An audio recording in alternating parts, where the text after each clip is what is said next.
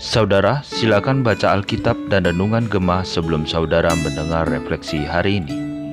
Shalom Bapak Ibu Saudara-saudara yang dikasih oleh Tuhan.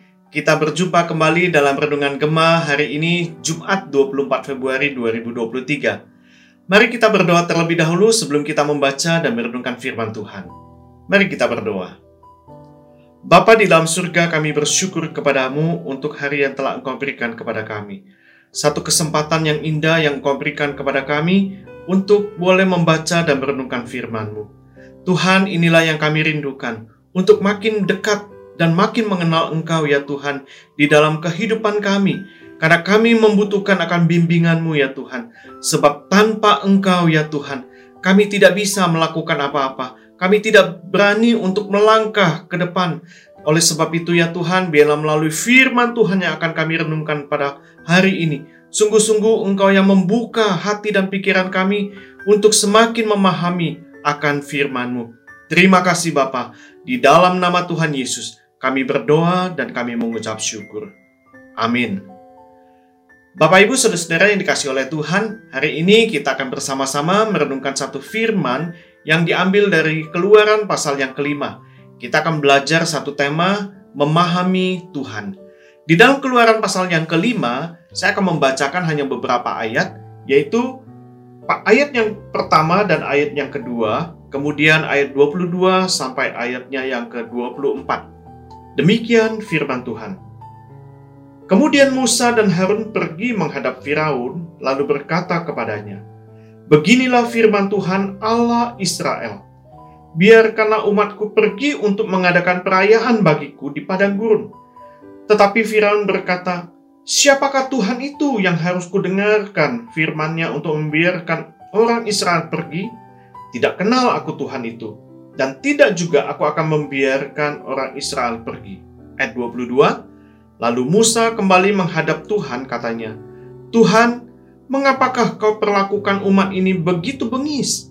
Mengapa pula Aku yang kau utus, sebab sejak aku pergi menghadap Firaun untuk berbicara atas namamu, dengan jahat diperlakukannya umat ini, dan engkau tidak melepaskan umatmu sama sekali.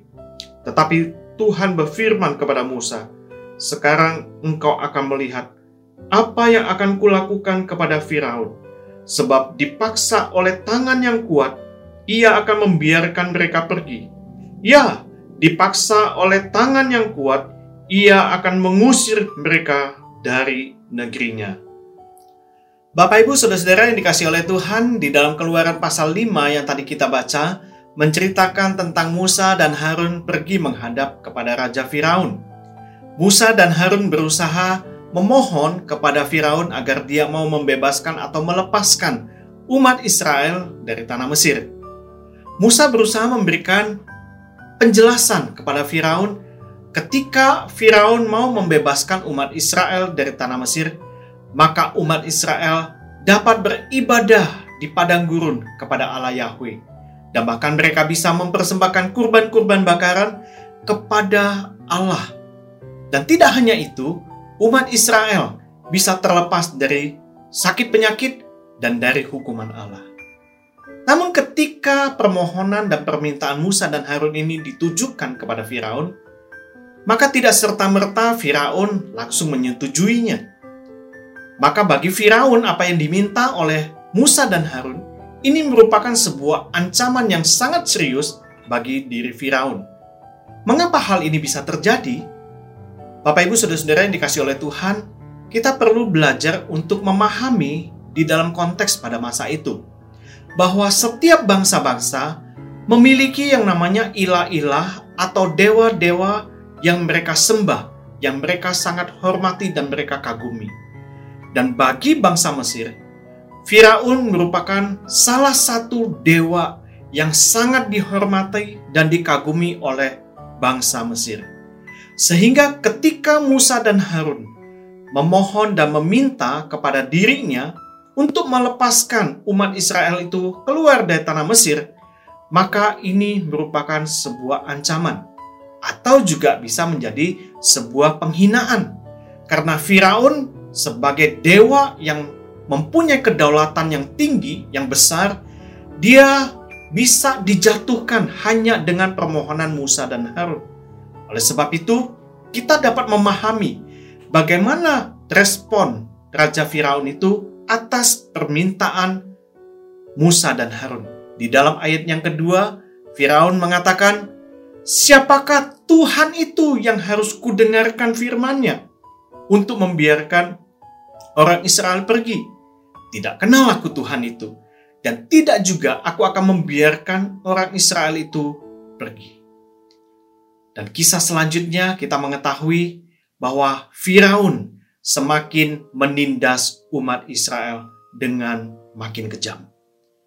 Bapak Ibu Saudara-saudara yang dikasih oleh Tuhan, mungkin saat ini kita juga sedang menghadapi kebingungan atas apa yang menjadi rencana dan maksud Tuhan untuk melepaskan umat Israel. Namun jikalau kita membaca seluruh rangkaian daripada kitab keluaran ini di dalam konteks jauhnya, maka sesungguhnya pengalaman peristiwa keluarnya umat Israel dari tanah Mesir itu akan mengajarkan umat Israel itu sendiri tentang siapakah Tuhan itu. Bapak Ibu Saudara-saudara yang dikasih oleh Tuhan, di dalam pasal yang kelima di dalam bagian yang terakhir di situ Musa pun juga belajar tentang siapakah Allah Yahweh itu. Kita dapat melihat bagaimana di dalam segala ketidakmengertian Musa, dia bahkan berdoa kepada Tuhan. Tuhan, mengapakah kau perlakukan umat ini begitu bengis? Dengan jahat diperlakukannya umat ini. Dan engkau tidak melepaskan umatmu sama sekali ada pertanyaan-pertanyaan yang sangat mengusik dan mengganggu Musa atas ketidakmengertian rencana Tuhan dan maksud Tuhan atas umat Israel yang semakin ditindas oleh Raja Firaun.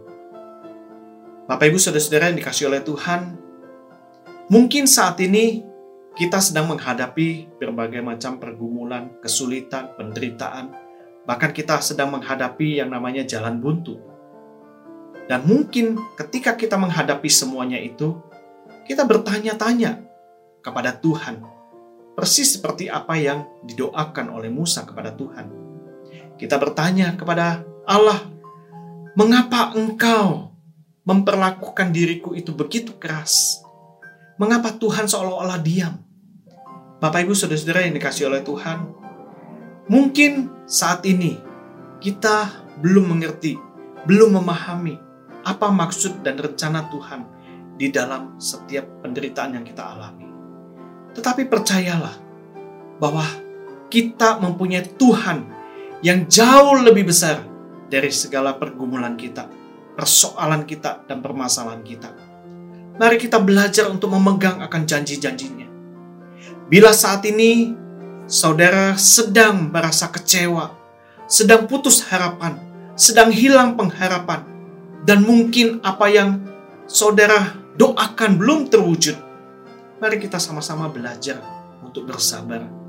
Mari kita sama-sama belajar untuk berusaha memahami maksud dan rencana Tuhan di dalam setiap penderitaan dan pergumulan yang kita alami. Bila Tuhan seolah-olah diam, maka percayalah bahwa Tuhan kita adalah Allah yang tidak pernah tertidur dan tidak pernah terlelap. Dia selalu memperhatikan anak-anaknya dan umatnya yang dia kasihi. Mungkin saat ini Tuhan sedang mempersiapkan sebuah jawaban doa yang indah bagi setiap pergumulan yang sedang saudara dan saya hadapi. Nah, kiranya firman Tuhan hari ini boleh semakin meneguhkan kita. Kita boleh semakin memahami akan maksud dan rencana Tuhan sekalipun di dalam keterbatasan kita. Namun percayalah, firmannya ya dan amin bagi kita. Mari kita berdoa. Bapa di dalam surga, kami bersyukur untuk firman yang kami boleh renungkan pada hari ini. Mungkin saat ini kami juga sedang bergumul ya Tuhan, seperti yang dihadapi oleh umat Israel. Dan juga di dalam ketidakmengertian Musa dan Harun mengapa Tuhan seolah-olah membiarkan umat Israel ditindas semakin kejam oleh Firaun. Tuhan, di dalam kehidupan kami mungkin saat ini ada saudara-saudara kami di sana yang sedang bergumul dengan hebat dan mereka sudah berdoa memohon kepada Tuhan, tetapi Tuhan belum menjawab doa-doa daripada saudara-saudara kami. Tuhan, biarlah melalui firman-Mu hari ini boleh mengingatkan kami supaya kami boleh belajar untuk bersabar, bertekun, belajar untuk memahami makin dekat makin intim dengan Tuhan, sehingga di situlah kami boleh makin mengerti akan maksud dan rencana Tuhan di dalam setiap kehidupan kami. Kami percaya bahwa kami punya Allah yang jauh lebih besar daripada setiap pergumulan hidup kami. Engkau mengerti ya Tuhan akan setiap kesulitan kami, penderitaan kami, dan bahkan air mata kami ya Tuhan.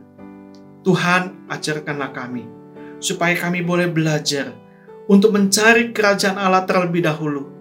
Maka kami percaya Engkaulah yang akan membukakan setiap kebenaran-kebenaran firman-Mu itu kepada setiap kami. Terima kasih ya Tuhan, inilah doa kami dan syukur kami yang kami panjatkan hanya di dalam nama Tuhan Yesus Kristus, Gembala kami yang agung. Kami berdoa dan mengucap syukur. Amin.